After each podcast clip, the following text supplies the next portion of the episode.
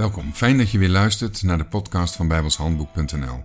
De podcast waarbij we bepaalde begrippen uit de Bijbel uitvoerig bespreken. En de komende drie podcasts gaan we het hebben over de erfenis. Als zoon en erfgenaam met elkaar te maken hebben, dan hebben erfenis en het aanstellen tot zonen dus ook iets met elkaar te maken. De Heere Jezus werd tot zoon gesteld bij zijn verheerlijking, toen hij weer ver boven de engelen geplaatst werd. Hij werd toen verlost van zijn lichaam en in heerlijkheid opgenomen. Voor ons zal het precies hetzelfde gelden.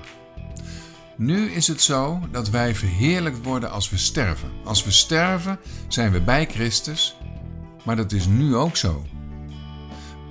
We gaan dan ook niet naar de hemel, want daar zijn we al. Lees Efeze 2, vers 6. Als we sterven, worden we wel verlost van ons lichaam. Maar pas bij de opname van de gemeente krijgen we een verheerlijk lichaam. De gelovigen die bij de opname van de gemeente nog gewoon leven, krijgen direct een verheerlijk lichaam. Samen met degenen die al gestorven waren. De gemeente komt voort uit Israël. Vanuit Israël is immers het evangelie gepredikt over de hele wereld en terechtgekomen bij de heidenen. Israël is dus eigenlijk de moeder. Maar je kunt ook zeggen dat de hele wereld de moeder is. De moeder die zwanger is, hoogzwanger. Ze heeft al flinke weeën en verwacht een zoon. En die zoon is de gemeente. Of ook wel de zonen Gods. Romeinen 8, vers 19. Want de schepping met opgestoken hoofden verwacht de openbaring der zonen Gods. De moeder ziet rijkhalsend uit naar het moment dat zij haar zoon zal zien. De gemeente waarvan God de Vader is. Sorry voor de vrouwen, maar dat is nu eenmaal het doel van een vrouw: kinderen baren. En dan komt de zoon, de erfgenaam. Niet dat wij mannen zo belangrijk zijn, maar het is een beeld van hogere zaken. God is de man en Christus is samen met de gemeente de zoon. Romeinen 8, vers 20. Want de schepping is aan ijdelheid onderworpen, niet gewillig, maar om dienst wil die het der ijdelheid onderworpen heeft. Op hoop dat ook de schepping zelf zal vrijgemaakt worden van dienstbaarheid der verderfenis, tot de vrijheid der heerlijkheid der kinderen Gods.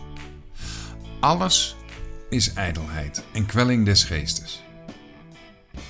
En dat is niet voor niets. God heeft het kennelijk zo gewild. Hij hoopt namelijk dat de hele schepping zich niet meer laat leiden door de Satan, maar kinderen van Hem zullen worden. Romeinen 8, vers 22 en 23. Want wij weten dat de hele schepping tezamen zucht. En tezamen in barensnood is tot nu toe. En niet alleen dit, maar ook wij zelf, die de eerstelingen des geestes hebben, wij ook zelf zuchten in onszelf, verwachtende de aanstelling tot zonen, namelijk de verlossing van ons lichaam. De hele schepping de vrouw, heeft zware weeën. De wereld heeft het zwaar te voortduren. Maar ook wij zelf als kinderen van God zijn hoogzwanger. Als je echt een kind van God bent, dan hoor je hier niet. Dan ben je buiten de lege plaats gezet. En verlang je echt naar de opname, zodat je verlost bent van deze wereld en voor altijd bij Christus zult zijn. Als je alleen maar met deze wereld bezig bent, merk je niet dat je zwanger bent. Dan verlang je ook niet naar de Heer. Misschien moet je eens aan je moeder vragen wat verlossing is. Er is een grote kans dat ze zich nog wel kan herinneren hoe hard ze daaraan toe was toen ze weeën had.